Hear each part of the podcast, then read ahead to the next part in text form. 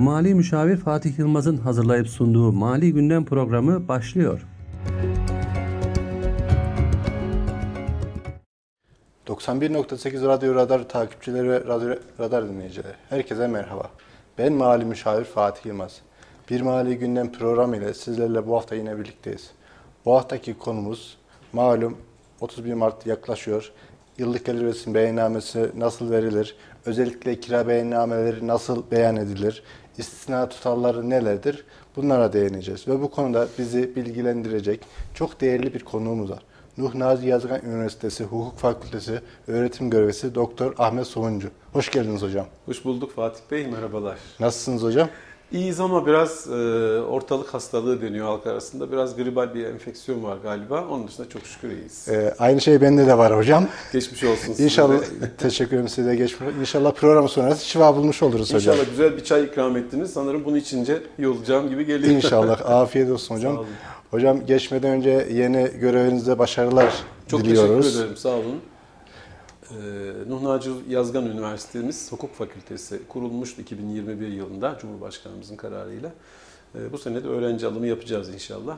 Göreve başladık, orada devam ediyoruz. Hayırlı uğurlu olsun Sağ hocam. olun, teşekkür ederiz. Hocam biliyorsunuz ki biz muhasebeciler, mali müşavirde hep Mart ayı, dert ayı derdik. İşte Evet. yıllık gelir vergisi beyannamelerinin verilmesi, e, kişilerin kazançlarını beyan etme dönemi bu ay. Evet.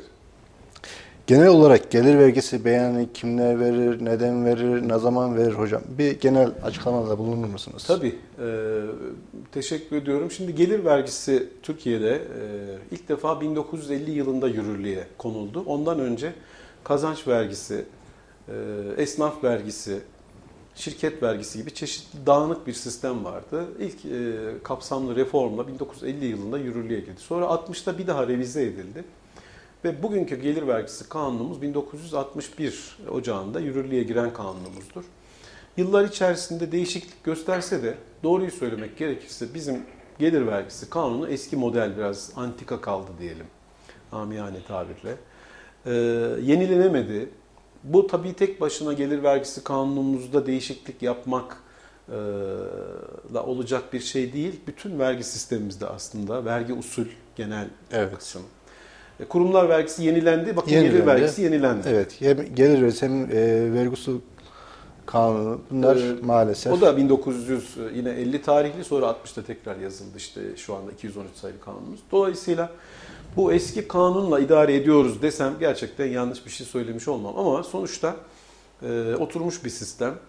E, gelir vergisine şöyle dikkat çekmek isterim. E, mecburen Batı ülkelerinden örnek vermek gerekirse sevgili Fatih Bey, Batı ülkelerinde yani Amerika kıtasında olsun, Avrupa kıtasında olsun e, geliri olan herkes gelir vergisi beyannamesi vermek zorundadır. E, bunun yanında giderlerinizi de beyan etmek zorundasınız. Yani vergi mükellefi olmanın bilinci gerçekten bu batı ülkelerinde tam manasıyla yaşanıyor. Ama bizdeki sistem maalesef daha çok e, kaynakta kesinti, stopaj yolla vergilendirme usulünün geçerli olduğu, menkul sermaye iratları dediğimiz işte mevduat faizi, hazine bonusu faiz- faizi, devlet tahvili faizi gibi bazı gelirlerin beyan dışı bırakıldığı e, ve geriye kalan tüccar, esnaf, serbest meslek erbabı, sizler, Evet. işte doktor arkadaşlarımız, avukat e, gibi, e, mühendis, mimar gibi. Bunun yanında da son zamanlarda yıldızı parlayan grup kira geliri sahipleri. Bakın bu aslında güzel bir başarı öyküsüdür. Yani gelir vergisi sistemimize mükellef sayılarına baktığımızda yuvarlak hesap yaklaşık 3,5 milyon kayıtlı gelir vergisi mükellefimiz var. Gerçek kişiler işte sizin benim gibi e, işte ticari kazanç elde edenler. Çiftçilerimiz var ama çiftçilerimizden de çok fazla vergi toplayamıyoruz. Bu işte sistemin ta 1950'den gelen yanlışlığı maalesef. E, zirai kazançlarda da daha çok stopaj usulü yani Evet. defter tutan çiftçimiz çok az daha doğrusu sayı olarak. Kira gelirlerinin başarısı şu, e, Maliye Bakanlığı, tabii bu hükümet politikasıdır. 2000'lerin başından itibaren gelir idaresi kurulduktan sonra e, hızlı bir şekilde bu kira geliri sahiplerini takibe aldı. Yoklamalarla, kiracılardan bilgi toplamak suretiyle, bilgilendirme suretiyle, şimdiki sistem işte bu hazır beyan sistemi dediğimiz beyan çok sistemi, kolay, çok hani kolay. nispeten kolay diyelim sistemle. E, Ben şöyle söyleyeyim, daha önceki çalıştığım iş yerim Erciyes Üniversitesi'nde fakültedeki hocalarımın, arkadaşlarımın, arkadaşlarımın arkadaşlarının gelir vergisi, kira gelirleri yani gayrimenkul sermaye ya da beyannamelerini çok e, danışmanlık yaptım onlara işte şöyle yapalım, götür usul yapalım vesaire gibi. Ama neden hani mükellef ya vermesem ne olur ki demiyor? Çünkü maliye çok sıkı takip ediyor. Elinde bazı bilgiler var. Nedir işte? Bankada kira ödemeleri bilgisi var. Tapu kayıtları var. Diyelim ki iki tane gayrimenkul kayıtlıysa benim adıma birinde ben oturuyorsam diyor ki ötekinde ne yapıyorsun? Hemen bana bir bilgi isteme Bilgi yazısı istiyor. 148. madde gereğince bilgi istiyor. Dolayısıyla e, bunun incelemesini yapmıştım. Şu anda kira gelirinden dolayı beyanname veren mükellef sayısı 3 milyona yaklaşmış durumda. 2 milyon küsür, 700 küsür yani. Bu bir başarı. E, hasılat ne kadar bilmiyoruz ama hani istatistikte de var daha doğrusu. Dolayısıyla şunu demek istiyorum. Vergi mükellefi olmanın sonucu ve bir e, yansıması olarak herkesin aslında gelirini yanı sıra giderini beyan etmesi Hani Mart ayının daha da bir telaşlı geçmesi gerekiyor ama sistem maalesef demin başta söylediğim gibi daha çok stopaja yönelmiş vaziyette. Beyan dışı bırakılan gelirler çok fazla. Fazla. Dolayısıyla çok fazla vergi bilinci değil şöyle diyelim son olarak gönlünden ne koparsa diye bir beyanname veriliyor. Ve bu da yine vergi yapılandırma kanunlarının, af kanunlarının gölgesinde kalıyor. Ya nasıl olsa bir af çıkacak, bugün de böyle olsun, bu sene de böyle olsun gibi gidiyor. Daha bilinçlenmek gerekir bu konuda. Çünkü kanunumuz eski falan ama hala gücü yerinde. Pek çok hükümde mükelleflere aslında avantajlar var. Şimdi biraz bahsedeceğiz onlardan.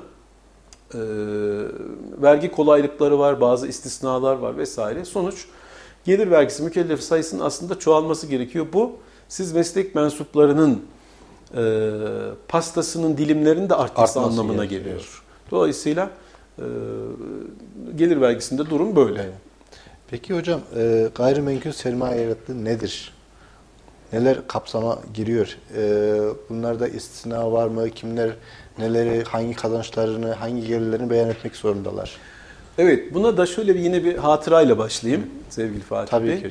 Çok sevdiğim e, değerli hocam Profesör Doktor Mahir Nakip işte fakültede biz danış tek vergi hocasıyız ya Evet. iktisadi bilimlerde. Bir gün geldi dedi ki e, Somuncu dedi ben dedi bir araç almıştım güzel uygun taksitlerle sonra dedi şeye kiraya verdim bunu dedi bir servis şirketine dedi. Buradan kira geliri elde ettim. Bu dedi nasıl beyan edilir mi edilmez mi deyince ben de tabii doğrudan hocam bu dedim gayrimenkul sermaye iradı dedim. Gayrimenkul değil ki bu dedi bana. Hiç unutmuyorum bunu. Dolayısıyla hızlıca söyleyelim. Gayrimenkul sermaye iratları gelir vergisi kanunumuzun 70-74. maddelerinde düzenlenmiş olan e, kazanç türü. E, sadece gayrimenkulleri değil, bunun yanı sıra bazı menkul malların hatta bazı hakların kiraya verilmesini de vergiye tabi tutmak üzere inşa edilmiş. Gayrimenkul deyince ne anlıyoruz? Başta tabii ki binalar. Binalarda da genelde konut ve iş yeri kirası. Ama bu bir fabrika binası da olabilir, e, bir arsa da olabilir. Örneğin sizin diyelim ki e, bir köyümüzde dağın başında böyle bir taşlı bir tarlanız var. Yüksek hiç gitmiyorsunuz, gelmiyorsunuz. Bir gün bir telefon şirketi geliyor. Diyor ki biz burayı kiralamak istiyoruz. Niye? İşte verici kuracağız buraya. Evet. Baz istasyonu kuracağız. Ama bir bakıyorsunuz sizin bu işe yaramaz taşlı tarla bir anda yıldızı parlayan bir gayrimenkul oluyor. Size gelir elde etmiştim. Ve siz gelir elde ediyorsunuz. Dolayısıyla bu nedir işte? Gayrimenkul sermaye iradı. Bunun dışında kanun, maden ocağı varsa adınıza kayıtlı, hatta su kaynağı varsa, e, taş ocağı varsa bunların kiraya verilmesi. Hatta voli, dalyan gibi balık yetiştirilen, tutulan yerlerin kiraya verilmesi. Yanı sıra motorlu taşıtların, özellikle otomobil gibi kamyon olabilir, minibüs olabilir, hocamızın örneğinde Evet. olduğu gibi, iş makinesi olabilir. Hatta hatta siz bir fotokopi makinesi aldınız, inanılmaz hızlı bir makina tuttunuz bir e, fakültede bir fotokopi şeyine e, firmasına kiraya verdiniz. Bu da gayrimenkul sermaye iradı. Fakat burada önemli noktanın altını çizelim. Bu tür mal ve hakların, gayrimenkullerin, taşınabilir malların, araçların, mal ve hakların bir kişinin öz mal varlığında bulunması lazım. Bir işletmenin aktifinde kayıtlı olursa o zaman gelir tür değiştiriyor. Mesela şirketinizin veya ticari işletmenizin eski fotokopi makinesini kiraya verirsiniz ticari kazanç oluyor. Çok e, dinleyicilerimizin kafasını karıştırmayalım. Yani kendi öz mülkünüz olan, kendi satın aldığınız olabilir, miras kalmış olabilir. Biz yine gayrimenkul üzerinden gidelim. Binaların, arazilerin kiraya verilmesi halinde elde edilen gelir gayrimenkul sermaye iradı olmaktadır. Bunlar gayrimenkul kiralarına giriyor. Genelde e, yaygın olan meskenler ve biliyoruz ki iş yerleri. Evet genelde öyle zaten. Hani bize de çok soru geliyor. Ben Mart ayının başından itibaren bana sorular gelmeye başlar. Ee, bazı arkadaşlarımızın, dostlarımızın, hocalarımızın da işlerini yapıyoruz. Şimdi konut kiraları e, daha çok ön planda. E, iş yeri kirasına da vaktimiz kalırsa değinelim tabii. Konut Tabii ki. kiraları neden ön planda? Çünkü e, kentleşmeyle beraber, işte kooperatifleşmeyle beraber, e, TOKİ'nin yaptığı konutlarla beraber örneğin en tipik şey e, kamu görevlisinin çalıştığı iş yerinde, üniversitede örneğin lojman ha- hakkı varsa kendisi evini kiraya veriyor, lojmana taşınıyor. Ya da işte babadan kalma bir dairesini, yazlığını, kışlığını neyse kiraya veriyor. Bu durumda konut kiralarının vergilendirilmesinde e, ve beyanında nelere dikkat etmek lazım? Şimdi konut kiralarına mahsus bir kere başta bir şey var. E, kirayı nasıl tahsil edeceğiz sorundan başlayalım. E, vergi usul mevzuatımıza göre işte ilgili genel tedbirlere göre e, konut kirasında 500 TL'yi aşan bir aylık kira tutarı söz konusuysa mutlaka bankadan ödenmek zorunda. Bunun yanı sıra yine son yıllarda çok artan e, günlük kiraya verme, haftalık kiraya verme şeklindeki e, kiralamalar e, tutarına bakılmaksızın Evet. bankadan ödenmek zorunda. İş yeri kirasında ise yine tutara bakılmaksızın tamamının bankadan ödenmesi gerekiyor. Eğer bu yapılmazsa mesela ya 1000 liraya kiraya verdim 500'ünü bana ver 500'ünü bankadan yatır dediysek maalesef bunda %5 hem ödemeyi yapmayana hem de ödemeyi yaptırmayana diyelim iki tarafa %5 özel usulsüzlük cezası olduğunu hatırlatalım. Ee, istisna konusu son zamanlarda biraz işte değişiklik oldu kanunda. Önemli bir konu. Şimdi kanun koyucu konut kirası geliri elde edenlere e, her yıl Cumhurbaşkanı'nca belirlenen bir tutar onun yetkisinde Evet. çünkü bir istisna hakkı tanımış. Örneğin 2022 yılında kira geliri elde eden mükelleflerimiz, e, konut kirası elde eden mükelleflerimiz altını çizelim. E, Bazı şartlar dahilinde 9500 liralık istisnadan yararlanabiliyorlar. Şimdi diyelim ki sizin kira geliriniz eğer 9000 liraysa hiç beyanname vermeyeceksiniz. 19500 liraysa beyanname vermek zorundasınız. Hatta 9501 liraysa olur ya Evet. beyanname vermek Vermek zorundasınız. zorundayız. Kanun diyor ki istisna tutarını aşan kira geliri elde ettiği halde beyanname vermeyenler bu istisnadan yararlanamaz diyor. Ben bu tepkilerle çok karşılaştım. Ya hocam işte ne olacak 9600 lira örneğin. Evet. Sınırda. Hayır diyorum beyanname vermezsin o 9500 istisnayı düşemiyoruz. Düşemiyoruz. Yararlanamıyorsunuz diye belirtiyorum. 2023 yani içinde bulunduğumuz yıl içinde e, dinleyicilerimizi, seyircilerimizi uyaralım Fatih Beyciğim. 2023 yani şu anda içinde bulunduğumuz yıl kira geliri tahsil eden mükelleflerimiz bunun 21 bin lirasından yararlanacaklar. Dolayısıyla şimdi beyanname vermek için 2022 yılında elde edilen kira gelirlerinin Bu beyanı konuda bana e, daha ayın başlarında şey geldi, telefonlara geliyordu işte akrabalar soruyordu hocam. Evet. İşte Fatih ya e, 21 bin liraymış sınır, e, beyanname vermemize gerek yok bu şekilde. Dedim ki biz bu Mart ayında 2022 yılının Evet. beyannamesini vereceğiz. Evet. 2022 içinde istisna tutarı 9500. O 21 bin TL televizyonlarda basında görülüyor. Evet. 2023 için geçerli dedi. Ee, çok güzel yani e, öyle uyarmak lazım.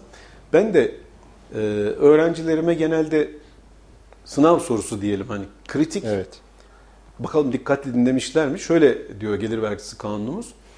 Beyana tabi gelir geçmiş takvim yılına aittir. Yani önce kazanıyoruz bir takvim yılı boyunca sonra izleyen Mart ayında Hocam bunu beyan e, ediyoruz. Parantez açalım isterseniz bu Buyurun. takvim yılına. Çünkü orada da çok karışık, Tamam. karışıyor mükelleflerimiz. E, şöyle söyleyelim o zaman.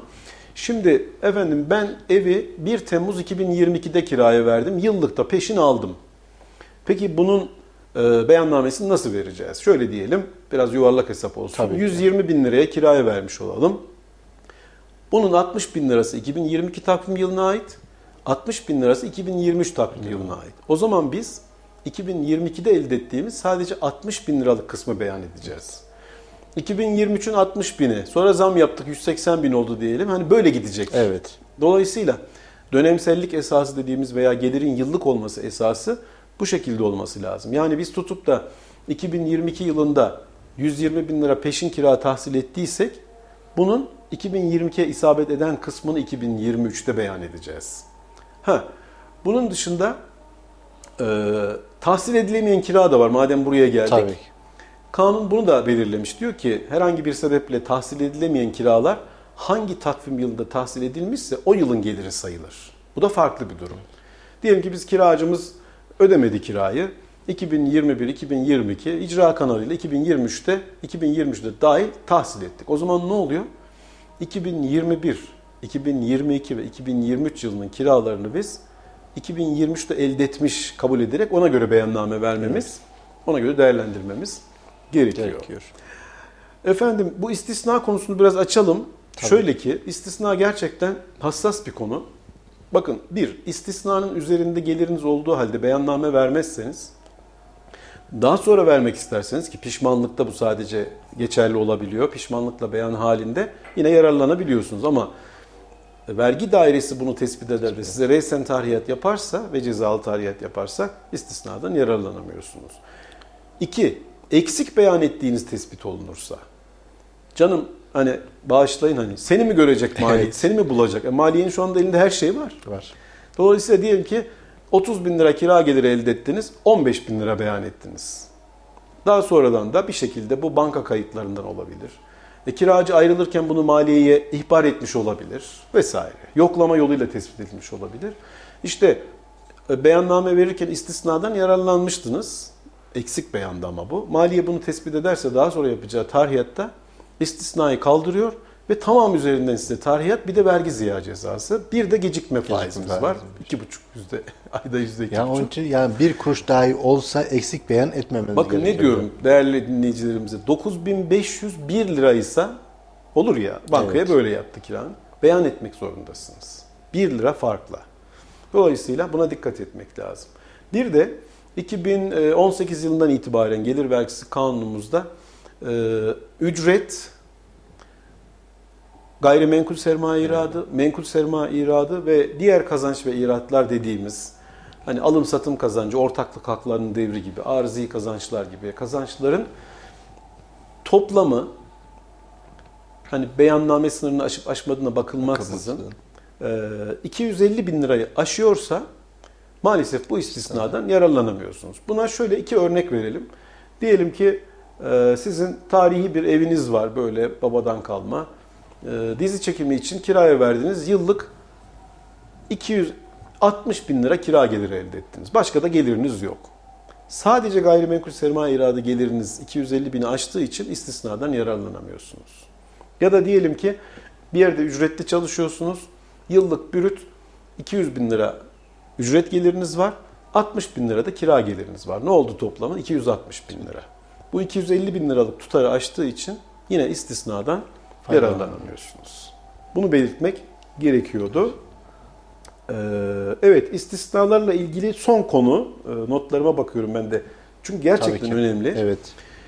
Ee, istisna dilekçesi diye bir e, şey var, hadise var. Yani ismi böyle değil ama bakanlık böyle demiş. Şimdi siz geçmiş yıllarda beyanname vermişseniz, yani vergi dairesinde bir dosyanız, mükellef dosyanız var. Ee, birazdan değineceğiz ama mesela evinizi e, kızınıza tahsis ettiniz. Çocuk üniversiteyi kazandı. İstanbul'daki evine kızınız oturdu. Veya babanız anneniz yaşlandı. Alt katta daireniz vardı kirada. Onları çıkardınız. Anneniz babanız oturdu. Ya da sattınız. Ya da kiradaki eve kendiniz taşındınız emekli olup. Şimdi bu durumları maliyeye bildirmek gerekiyor. Buna istisna dilekçesi demiş maliye. E, E-Devlet'ten girip e, interaktif vergi dairesine e-dilekçe diye yazdığınızda veya istisna dilekçesi yazdığınızda karşınıza çıkıyor. Çıkıyor. Bu şunun için.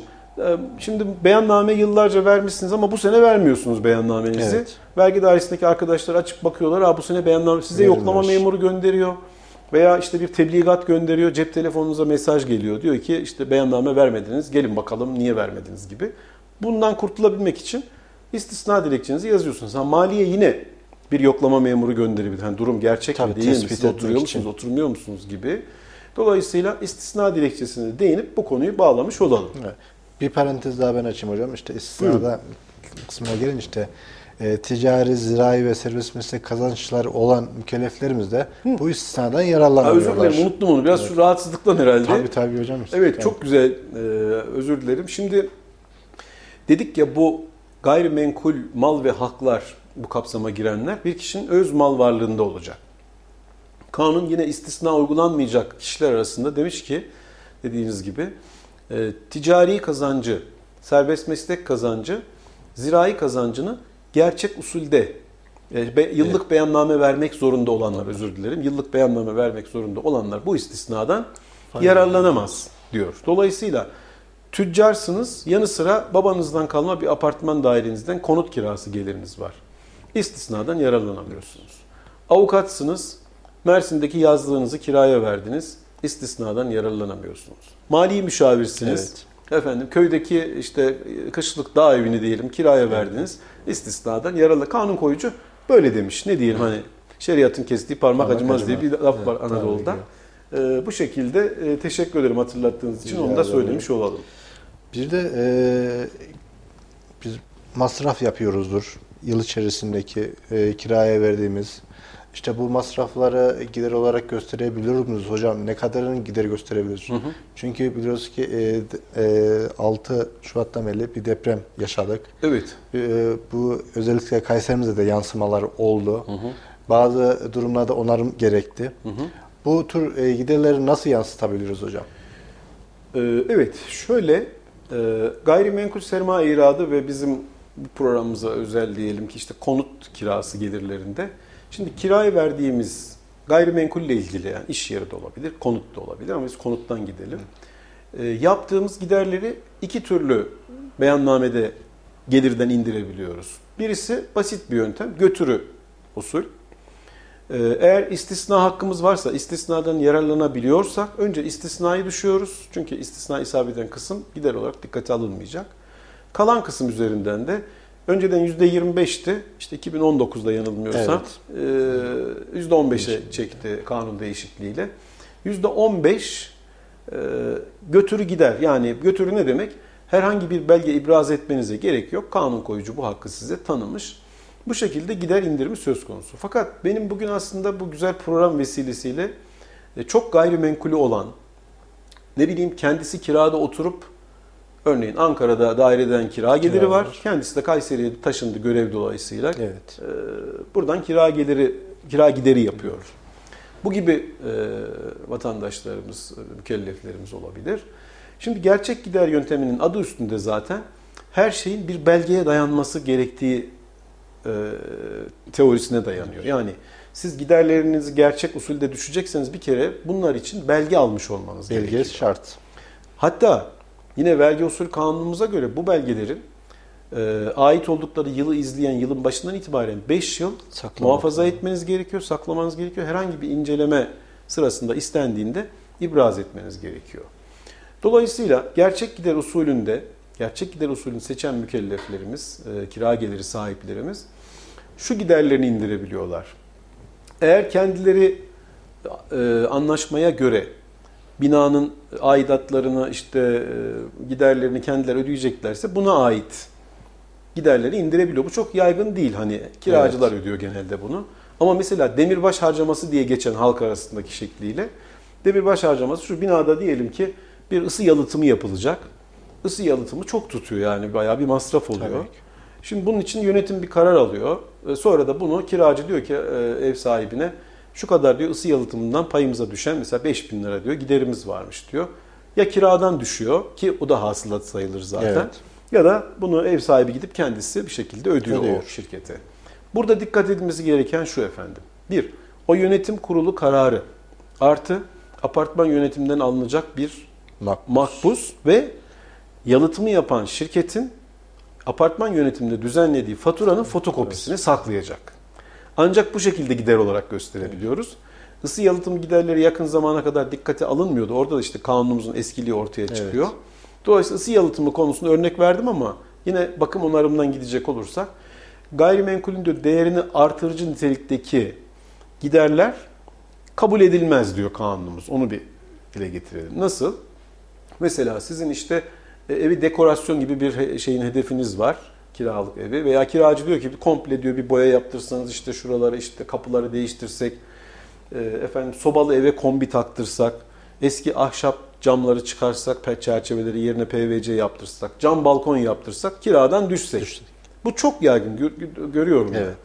Şimdi burada yap- e, durum şu. Bir, kiracı e, bu masrafları yapıp kiradan kesse dahi kira süresinin bitiminde bu hasılat sayılıyor. Orası hasılat kısmı. Ama gider kısmına geldiğimizde sadece kırılan, dökülen ki deprem dolayısıyla işte bu e, gündeme geldi. Getirmek istedim ben daha doğrusu. E, harap olan, işte boya gerektiren, duvar tamiri gerektiren ne bileyim kapı eğilmiştir, patlamıştır, çatlamıştır. Bu gibi bakım onarım giderlerini faturasını almak kaydıyla şimdi 2023'te olduğuna göre 2023 yılında yaptıracaksınız. Yaz geldi diyelim başladınız onarıma. Boya aldıysanız boyanın faturasını işte işçilikle ilgili fatura verebiliyorsa faturasını ne bileyim camın çerçeve neyse işte alınacak şeyler mutlaka faturasını almamız Almak gerekiyor. gerekiyor. Bu durumda ancak e, elde ettiğimiz kira gelirinden bu bakım onarım giderlerimizi indirebiliyoruz. Isı yalıtımı giderlerimizi indirebiliyoruz. Orada bir sınır var yalnız unutmayalım. E, 2000 liraya kadarsa ısı yalıtımı gideri doğrudan gider yazabiliyoruz. 2000 TL'yi aşıyorsa maliyete yansıtıp şimdi geliyorum oraya amortisman ayırmamız gerekiyor. Şimdi ben gerçek gider esasını bazı dostlarımın, arkadaşlarımın uyguladım. Ee, yıllardır uyguluyorum. Aslında gerçekten hani teknik olarak bakıldığında çok faydalı. Mesela 50 yıl boyunca o gayrimenkulünüze amortisman ayırabiliyorsunuz. Tabii tutar giderek düşüyor enflasyondan dolayı ama e, iktisat bedelinin veya maliyet bedelinin %2'si kadar amortisman ayırıyorsunuz. Yeni satın alınan gayrimenkullerde, konutlarda iktisat tarihinden itibaren 5 yıl boyunca gayrimenkulün iktisat bedelinin %5'i diye güzel bir gider kalemi var. Mesela biraz fiyatlar da arttı. Diyelim ki siz bu daireyi 1 milyon TL'ye aldınız ve alır almaz da yeni dairenizi kiraya verdiniz. Efendim. %5'i ne yapar? Ee, 50 bin lira, 1 milyon liranın. 50 bin lirayı 5 yıl boyunca kira hasılatınızdan gider olarak indirebiliyorsunuz. 5 yılın sonunda bu hakkınız bitiyor. Birden fazla gayrimenkulünüz varsa sadece seçeceğiniz bir tanesinde bu uygulamayı yapabiliyorsunuz. İş yeri kira gelirlerinde böyle bir gider hakkınız bulunmuyor. Gayrimenkule yine depreme bağlıyoruz olayları ama bunlar önemli gerçekten. Tabii. Yani iş başımıza gelince ancak e, kendimize geliyoruz biz de maalesef. DASK sigortası Evet. gibi başka türlü hani sigorta yaptırmışsanız bunun Konut sigorta giderlerini indirebiliyorsunuz. Burayı banka kredisiyle almışsanız o yıla ait faiz giderlerinizi indirim konusu yapabiliyorsunuz. Yaygın bir şeydi hocam banka Tabii, kredileri tabii. yani. Çok banka yaygın. kredileri çok yaygındı. Evet. Yani faizlerin de düştüğü ortamda yani e, e, halkımız kredi çekerek ev almıştı. Yani e, ev almıştı, yatırım amaçlı almıştı. Belki evi vardı, ikinci bir ev almıştır. O ikinci evi kiraya vermiştir. Dediğiniz gibi çok güzel bu kredi faizlerini düşebiliyoruz. Evet. Faizleri hani o yıla ait faizi indirebiliyoruz. Yine demin başta söylediğim gibi bir daha tekrar edelim. Kendisi hem kira geliri sahibi hem de kiracı yani hem geliri var hem gideri var. Bu durumda e, mülk sahibinin kira ödediği mülk sahibine bilgileri o hazır beyan sistemine girerek ödediği kira giderini düşebiliyor, indirebiliyor. Bakım onarım giderlerini izah ettik zaten. Hatta hatta kanun diyor ki gayrimenkul dolayısıyla e, mahkeme ilamına, sözleşmeye dayanan zarar ziyan ve tazminatları dahi indirebiliyorsunuz. Örnek, radyo programları böyle güzel oluyor o yüzden yani dinleyenler bize, e, seyircilerimize saygılarımızı iletelim.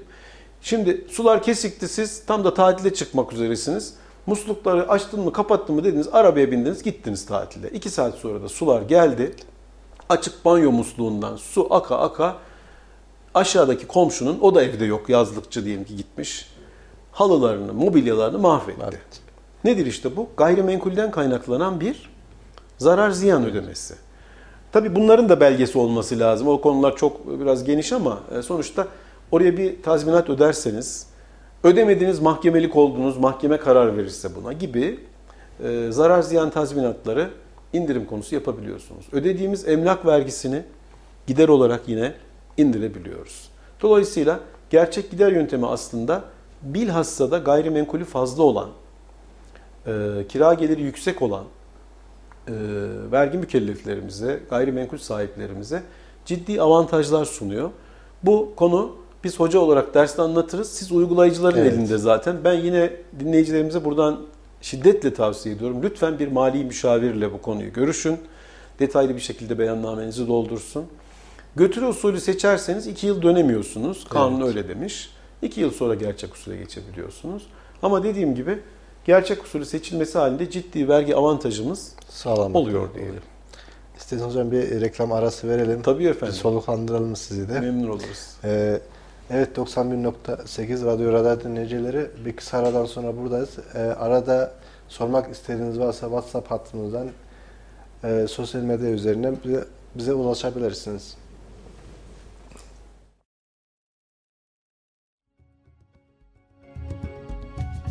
Şimdi reklamlar. Bir imza düşünün.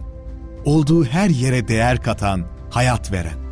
Hayalleri gerçeğe dönüştürürken memleketin her karış toprağına güçlü projelerin temelini atan bir imza. İlkleri yaşatan aynı imza şimdi sizleri yeni projelerine davet ediyor. Bu imzayı tanıyorsunuz. Çünkü 5 yıldır olduğu her yerde farkını yaşıyorsunuz. En iyisini isteyenler için değeri her geçen gün artan yaşam projeleri Grup Avenir güvencesiyle Yozgat ve Kayseri'de. Huri tesettür giyim. Moda Huri'de. Üstün Alman teknolojisi ürünü Profilo artık Sivas Caddesi'nde.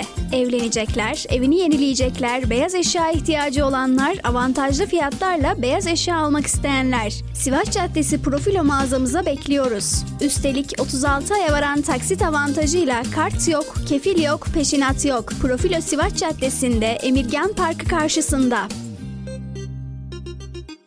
Oh be profilo varmış. Oh oh. Oh be profilo varmış. Kayseri'nin kuru yemişçisi Çerez 38. Çıtır çıtır kuru yemişler, damak tadınıza uygun lokumlar, lezzetli şekerlemeler, çeşit çeşit baharatlar, evinizin vazgeçilmezi bakliyatlar, taze çekilmiş sıcak tahin ve kahve çeşitleriyle Çerez 38 hizmetinizde. Kayserili işini bilir. Haydi Kayseri. Kayseri'nin kuru yemişçisi Çerez 38'e. İletişim 0533 330 08 Şube 1 Taceddin Veli Mahallesi Şehit Miralay Nazım Bey Bulvarı Köylü Pazarı yanı Çifte Önü. Şube 2 Belsin Keykubat Mahallesi İsmail Erez Bulvarı. Keykubat Tramvay Durağı 200 metre ilerisi.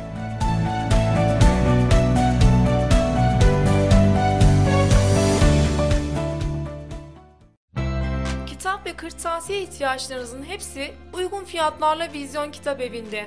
İlk öğretim ders kitapları, AYT, TYT hazırlık kitapları, güncel kitaplar, dünya klasikleri, çeşit çeşit kırtasiye ürünleri ve çok daha fazlası Vizyon Kitap Evi'nde. Vizyon Kitap Evi, Meysu Outlet'te. Sen de hayatı dolu dolu tat. Aç bir meysu dolu dolu hayat. Sen de hayatı dolu dolu tat. Aç bir meysu dolu dolu hayat. Reklamları dinlediniz.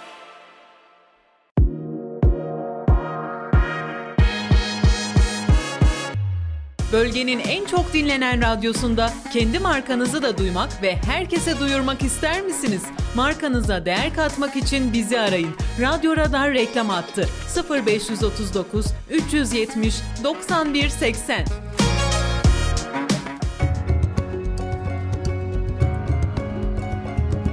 Mali müşavir Fatih Yılmaz'ın hazırlayıp sunduğu Mali Gündem programı devam ediyor. Evet 91.8 Radyo Radar dinleyicileri ve Kayseri Radar takipçileri kaldığımız yerden devam ediyoruz. Evet hocam. Buyurun efendim. E, istisnalara değinmiştik. Aha. Sorular da geliyor. İşte e, bir evi karı koca aldık veya bize miras kaldı. İşte onun beyannamesini vermek zorundayız. Kişiler ayrı ayrı vermek zorunda mı? Ortak vermek zorunda mı? Bu istisna tutarından herkes ayrı ayrı mı yararlanacak? Bir defaya mahsus yararlanacak. Evet, yine tarihi bir açıklama yaparak devam edelim. Ee, 1999 yılına kadar aile reisi beyanı diye bir müessese vardı gelir vergisi kanunumuzda. Ee, o da eski medeni kanuna dayanıyordu 2002'den öncekine. Dolayısıyla aile reisi beyanında e, şimdi ev başkanı var biliyorsunuz medeni kanunda. O Evet. zaman koca deniliyordu medeni kanunumuza göre. Koca kendisinin mesela hiçbir işi gücü yok, emekli diyelim ama eşi eczacı. Onun beyannamesini koca veriyordu. Bu da bir antiparantez güzel bir Tabii. anı olarak söyleyeyim. Şimdi bu kaldırıldı tabii. Gelirin şahsiliği ilkesi dediğimiz yani gelir elde eden kişi e, Anadolu'daki yine güzel bir atasözümüzle e, renklendirelim. Her koyun kendi bacağından asılır diye bir laf var. Her koyun kendi bacağından asılır. Şimdi karı koca bir gayrimenkul alırken bunu kiraya verip elde ettikleri gelirden daha düşük vergi ödemek istiyorlarsa yani bir kişi beyan ederse daha yüksek bir vergi, iki kişi beyan ederse daha düşük bir düşük vergi. Bunun kaynağı ne? Her ikisi de istisnadan ayrı ayrı yararlanıyor. Yani diyelim ki 60 bin liraya verdiğimiz bir daireyi 30'ar bin lira iki ayrı %50 e, hisseyle diyelim ki karı koca ayrı beyan edersek ikimiz de 9500 liralık istisnadan ayrı ayrı istifade ediyoruz. Dolayısıyla bir vergi avantajına dönüşüyor. Buradan vergi kaçınma var yani hocam. Tabii buna Evet, kaçınma, kaçınma diyoruz. Bu kanun koyucu bunu e, koymuş gelirin şahsi Oraya ilkesine. ben bir parantez açayım. Buyurun. Yine geçmişte e, seminerimize e, yeminli bir üstadımız gelmişti Ankara'dan. Kendisi de Kayserili. İşte bu e, yıllık gelir verisini anlatıyor. İstisnaları da anlatıyor. İşte e, babam da evi var dedi. Baba dedi işte hem annemin üzerine yapalım hem senin üzerine yapalım. Kira gelir elde edecek. İstisnadan yararlanırız. Dedim dedim. Ya oğlum Kayserili hanım üzerine ev mi yapar? dedi, dedi. Güzel. evet. Güzel bir anı Evet. gerçekten ama şimdi e, devir değişti. Evet. Bir kere kanun değişti yani medeni kanun diyor ki artık koca falan değil mi ev başkanı bu bayan da olabilir erkek de olabilir ama e, eski uygulamayı anlattı bu da güzel bir anı olmuş. Dolayısıyla miras kalana değinecek olursak mirasta şöyle bir durum var. E, eski adıyla iştirak halinde mülkiyet ya da şimdi el birliği hani tapuda ELB yazıyorsa el birliği demektir bu. Bu aslında hisselerin paylaştırılmadığı, ona gayrimenkule el birliği mülkiyeti şeklinde diyelim ki dört mirasçının ortak olması. Burası kiraya verilse ne olacak? Burada da yine mirasçılar e, hisse belli değil ama hani şöyle diyelim e, gayrimenkulün hissesi paylaştırılmamış ama dörde bölünecek ve elde ettikleri geliri yine kendileri ayrı ayrı gelirin şahsi ilkesinden dolayı ayrı ayrı beyanname vererek yine aslında avantaja dönüşüyor. Ee, yine çoğu miras malı olan e, kiralık evleri işte yakınlarımın, akrabalarımın da var. Ee, kimsenin geliri istisna tutarını aşmıyor. Bir tane daire Kayseri şartlarında söylüyorum. Dolayısıyla e, bu şekilde vermeleri gerekiyor. Bir yatırım yapalım, iki kardeş daire alalım, kiraya verelim diyorlarsa e, ortaklaşa işte %50 tapuya da o şekilde tescil ettirip kira gelirlerini herkes kendi beyan ederse istisnadan ayrı ayrı yararlanmak mümkün oluyor. Bu arada e, programın e, sonra unutuyoruz. Bir yine hatırlatma yapalım değerli e, Lütfen hocam. dinleyicilerimize. Şimdi 2022'nin sonlarından başlayan bir kiralarda artış yani niye arttı falan onları tartışmıyoruz. Evet. Artış oldu. Artış oldu.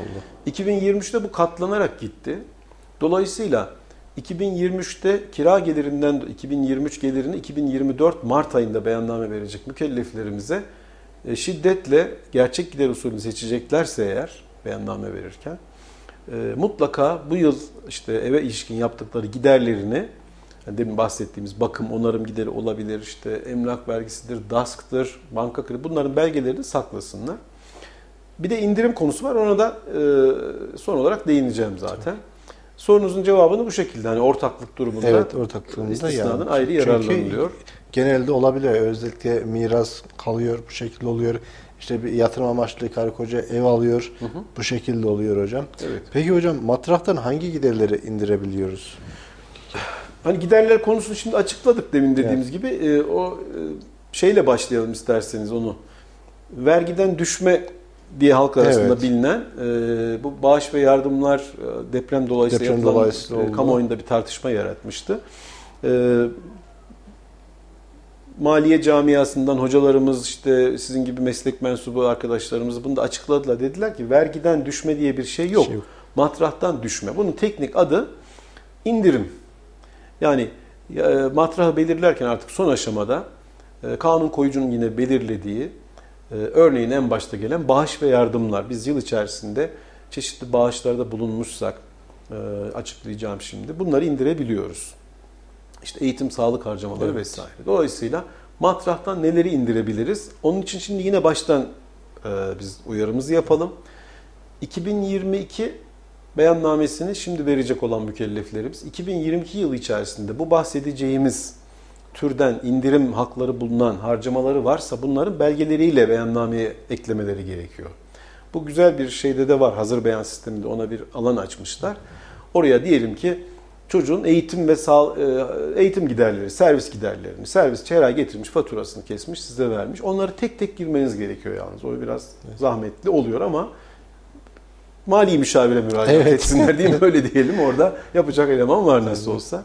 Dolayısıyla eğitim sağlık harcamalarından girecek olursak beyan edilecek gelirin yani istisnai düştük e, beyan edilecek gelirin bu tabi tüccarlar, esnaf, serbest meslek erbabı bunun yanı sıra işte kira geliri sahipleri için de söz konusu bir e, tanınmış bir hak, indirim hakkı. E, beyan edeceğimiz gelirin, hesaplanan e, gelirin matrahtan önceki aşamada yani %5'ine kadar olan kısmı indirebiliyoruz. Buraya dikkat edilmesi gerekiyor. Çok dik. O yanlış anlaşılıyor bazen. Evet. Sanki harcamanın yüzde Yüzde beşiymiş beşi. gibi anlaşılıyor. Yine pek e, yansıtma falan yok ama biz anlaşılıyor diyelim hani basit örneklerle. Diyelim ki biz istisnamızı düştük, işte gelirimizi topladık. 100 bin lira indirim öncesi matrah diyelim tutarımız var şimdi. Yıl içinde de diyelim ki biz e, 50 bin lira eğitim harcaması, sağlık harcaması yapmışız. Faturalarımız da var. Şimdi bir 50 bin liranın tamamını indiremiyoruz. Ne kadarını indirebiliriz? Gelirin %5'ine kadar olan kısmı. Yani 100 bin lira gelirimiz varsa biz 50 bin lira harcama yapmış elimizde faturamız, fişimiz olmasına rağmen sadece 5 bin lirasını indirebiliyoruz. Bunu söylemiş olalım. Tabii eğitim sağlık harcamaları konusunda da şöyle diyelim. Yine e, bunların gelir veya kurumlar vergisi mükelleflerinden alınmış fatura ve benzeri belgeler dediğimiz yani perakende satış fişi, serbest meslek makbuzu e, bunlar içerisinde. Ama ben yine tavsiyem özellikle fatura alınması. Günümüzde zaten e-arşiv fatura tüketicilere düzenleniyor e, yaygın bir şekilde. Bunların da muhafazası gerekiyor. E, bir tane böyle gelen bir soru var. Çok soruluyor. Efendim işte e, özel okulda okuyan çocuğumun özel okul e, şeyine e, ödemesini Ödemesi, indirebilir miyim? Özel okul kurumlar vergisi mükellefi ise tabii ki veya gelir vergisi mükellefi de olabilir indirebilirsiniz. Ama e, bazı vakıfların veya derneklerin özel statüsünden dolayı bu iktisadi işletmeleri yani vergi mükellefi olması gerekiyor. Orada bir karışıklık oluyor. Mesela vakıf üniversitesi örnek verelim. Vakıf üniversitelerine yapılan ödemeler vakıf üniversiteleri de vergiden muaf, kurumlar vergisinden muaf sayıldığı için o e, eğitim giderini indiremiyorsunuz. Ama iktisadi işletme şeklinde çalışan mesela yurdu varsa, bir işte spor tesisi varsa üniversitenin, çocuğun işte servis gideri, kırtasiye alımları, kitap, internetten alabilirsiniz kırtasiyeciden. Bunların faturalarını, fişlerini saklıyoruz.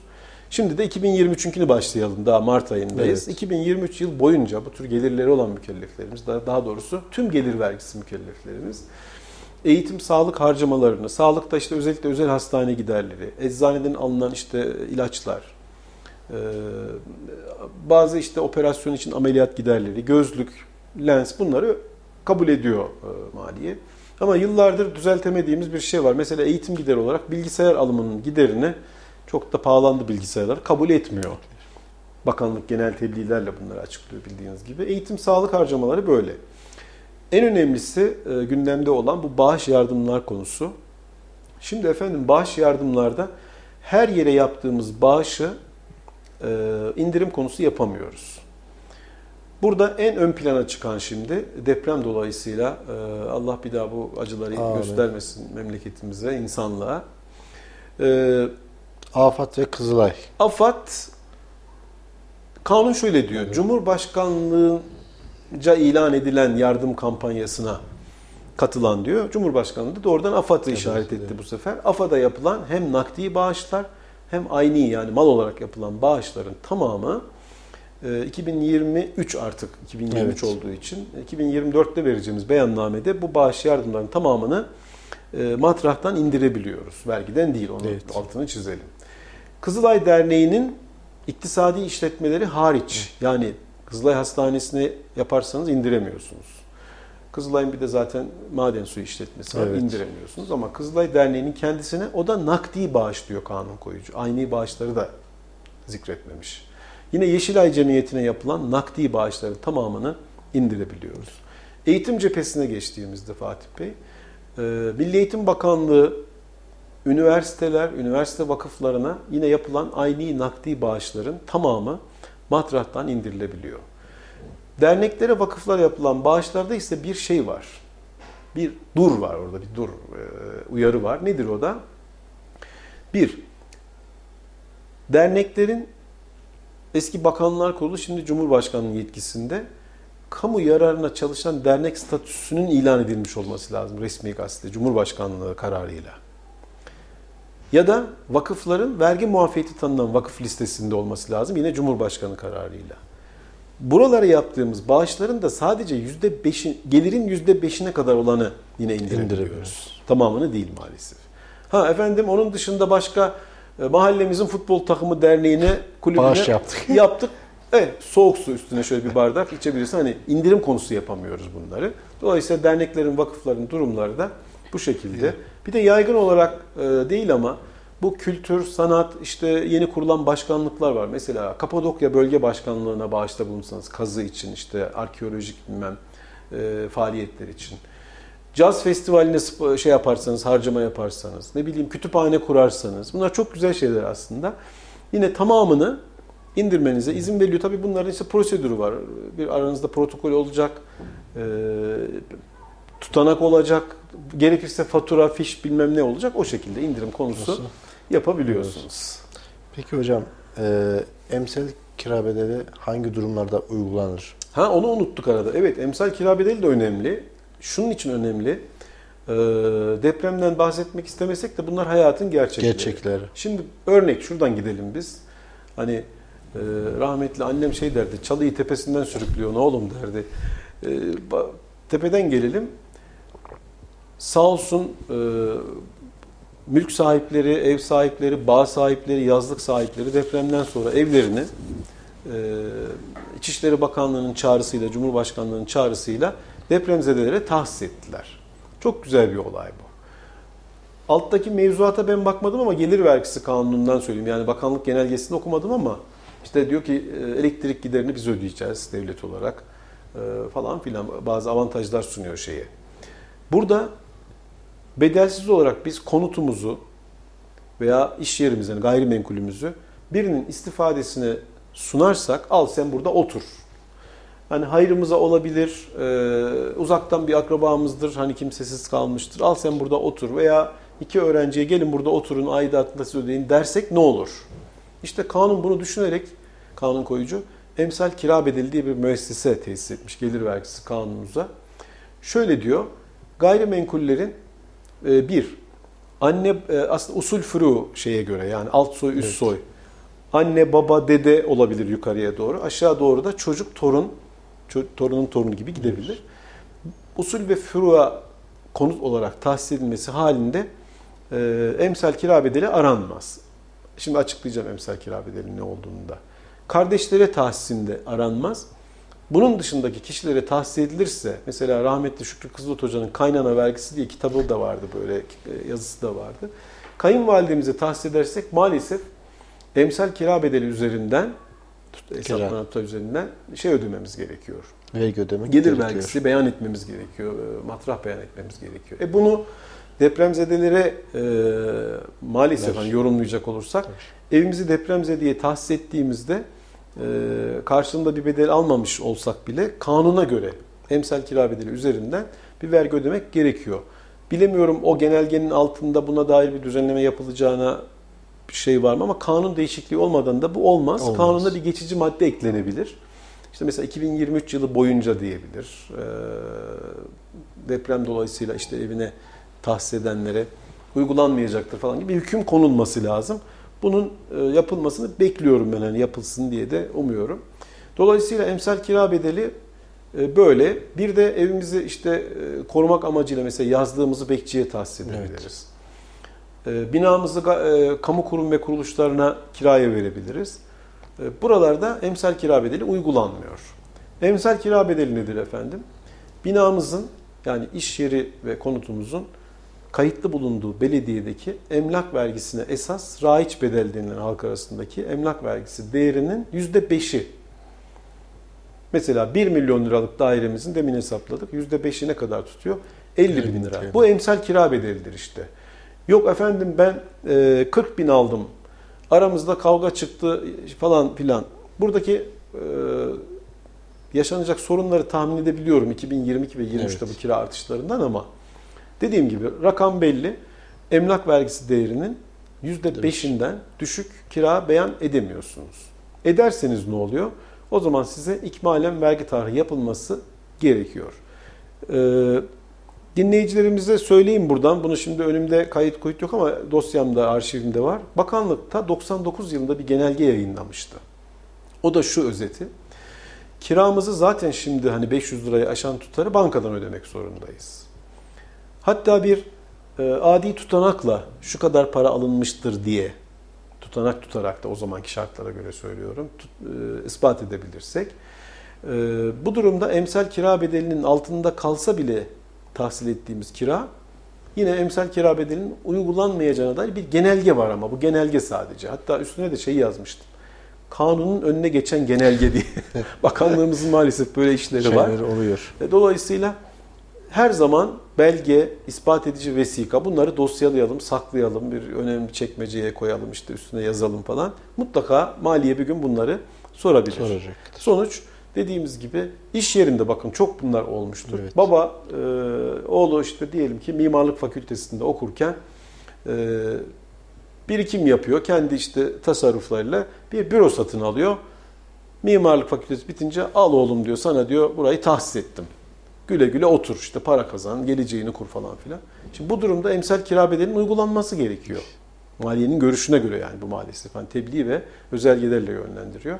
Ama konutta durum anlattığımız gibi usul furu, kardeş bunlara tahsis edilirse aranmıyor. Ha bir de şey var yine depremle ilgili olabileceğini düşündüğüm için. Diyor ki akrabaların gayrimenkul sahibiyle aynı evde ikamet etmeleri halinde hani eve gelen misafiri kiracı veya emsal kira bedeli esasına uygulanması gereken kişi gibi görüyor kanun koyucu ama demiş ki onlar beraber oturuyorsa akrabalar Evet. uygulanmaz, Uygulanmaz. diye de bir istisna getirmiş. Hocam programımızın sonuna doğru geliyoruz. Evet. Anlattık işte eee, hangi durumlarda verilir. Bu beyannameyi nasıl vereceğiz? Ne zaman ödeyeceğiz? Beyannameyi verme konusunda e, Kayseri e, halkına, dinleyicilerimize bu kira gelirleri için tabii ki Evet. alışveriş merkezlerimizin girişinde hemen vergi dairesinden görevli ihtisas sahibi arkadaşlarımız var. Geçen de hatta ayaküstü biraz sohbet ettik. Beni tanırlar çoğu. Orada yardımcı olabiliyorlar. Tabii çok böyle fazla gayrimenkul falan olursa Evet. biraz zor orada. Mesela bir gayrimenkulünüz Bir var. gayrimenkulüm. Orada hemen internet üzerinde de beyannamenizi girip şey yapıyorlar. Ama bunun en evla olan tarafı nedir efendim? Mali müşavire müracaat etmek. Bence öyle. Hele hele dediğim gibi efendim 10 tane daireniz varsa, Daireler 15 varsa. tane daireniz varsa, iki dükkan, işte köyde tarla bilmem falan filan varsa, hele hele bir de zaten başka faiz geliri gibi, ücret geliri gibi işleriniz varsa mutlaka mali müşavire gitmek lazım. Ama ticari kazanç sahipleri, serbest meslek kazanç sahiplerinin zaten mali müşavire zorunluluğu bir şekilde Onlar yapıyorlar. veriyorlar.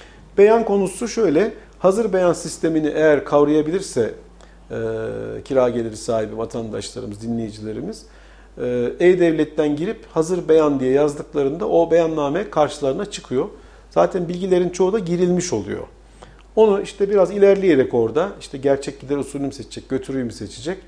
E, tek bir daire ise, bir iki daire ise belki oradan yapabilirler. Yapamazlarsa yine vergi dairesine müracaat edip o vergi dairenin girişinde de uzman arkadaşlarımız e, yardımcı oluyorlar. Ee, bu şekilde beyanname verebilirler. İşte Mart'ın sonuna kadar Cuma gününe denk geliyor. Evet. Hazine Maliye Bakanlığı bu süreyi uzatabiliyor beyanname verme ödeme sürelerini. Uzatma ihtimalini ben yine görüyorum çünkü deprem dolayısıyla bayağı bir şey aksaklıklar var. Ee, beyannamemizi verdik, vergimiz tahakkuk etti. İki taksitle ödeniyor gelir vergisi.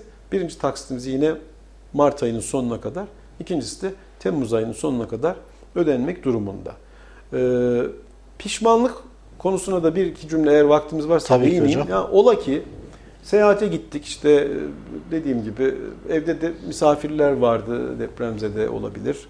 Unuttuk yani biz Mart ayı geçti beyannameyi unuttuk. Vergi dairesi size bir bildirimde bulunana kadar, beyana çağrı yapana kadar veya bir inceleme, yoklama başlatmadan eğer vergi usul kanunumuzun 371. maddesine göre pişmanlıkla beyannamenizi verirseniz hem o konut kirası istisnasının 9500 liralık istisnadan yararlanabiliyorsunuz hem de vergi ziya cezasından kurtuluyorsunuz. Sadece tahakkuk eden vergi ve işte beyanname verdiğiniz tarihe kadar işleyen gecikme zammı oranında bir pişmanlık zammı tutarı 15 gün içinde ödemeniz gerekiyor. Pişmanlık konusunda da çok çalışmalarım var ama bu kadar söyleyelim. Hani ola ki unutulursa diye kanun Tabii koyucu ki hocam mutlaka pişmanlıkla diye bir müessese getirmiş.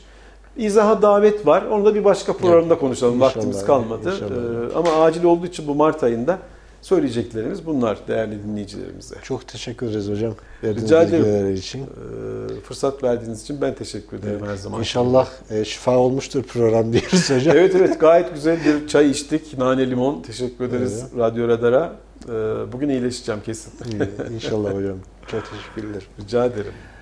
Evet 91.8 Radyo Radar dinleyicileri. Bu hafta çok gerçekten önemli bir konumuz vardı. Ve kira beyannameleri. Gerçekten gayrimenkul sahiplerimizin e, artış nedeni, verilen, alınan kiralar artış nedeniyle e, bu Mart ayını kaçırmamamız gerekiyor. Hocamın, değerli hocamın da e, söylediği gibi istisna tutarlarına dikkat etmemiz gerekiyor. Olur ya 2022 yılı için 9500 lirayı geçiyorsa mutlaka beyan etmeliyiz. Beyan etmesek ne olur? Maliye tarafından, gelir dairesi tarafından tespit edilsek bu istisna tutarlarından faydalanamayız. Kendi aleyhimiz olur. Bu yüzden 31 Mart'ı kaçırmadan e, kira beyannamelerimiz varsa beyan etmeliyiz. Haftaya farklı konuyla, farklı konularla görüşmek üzere. Hoşçakalın.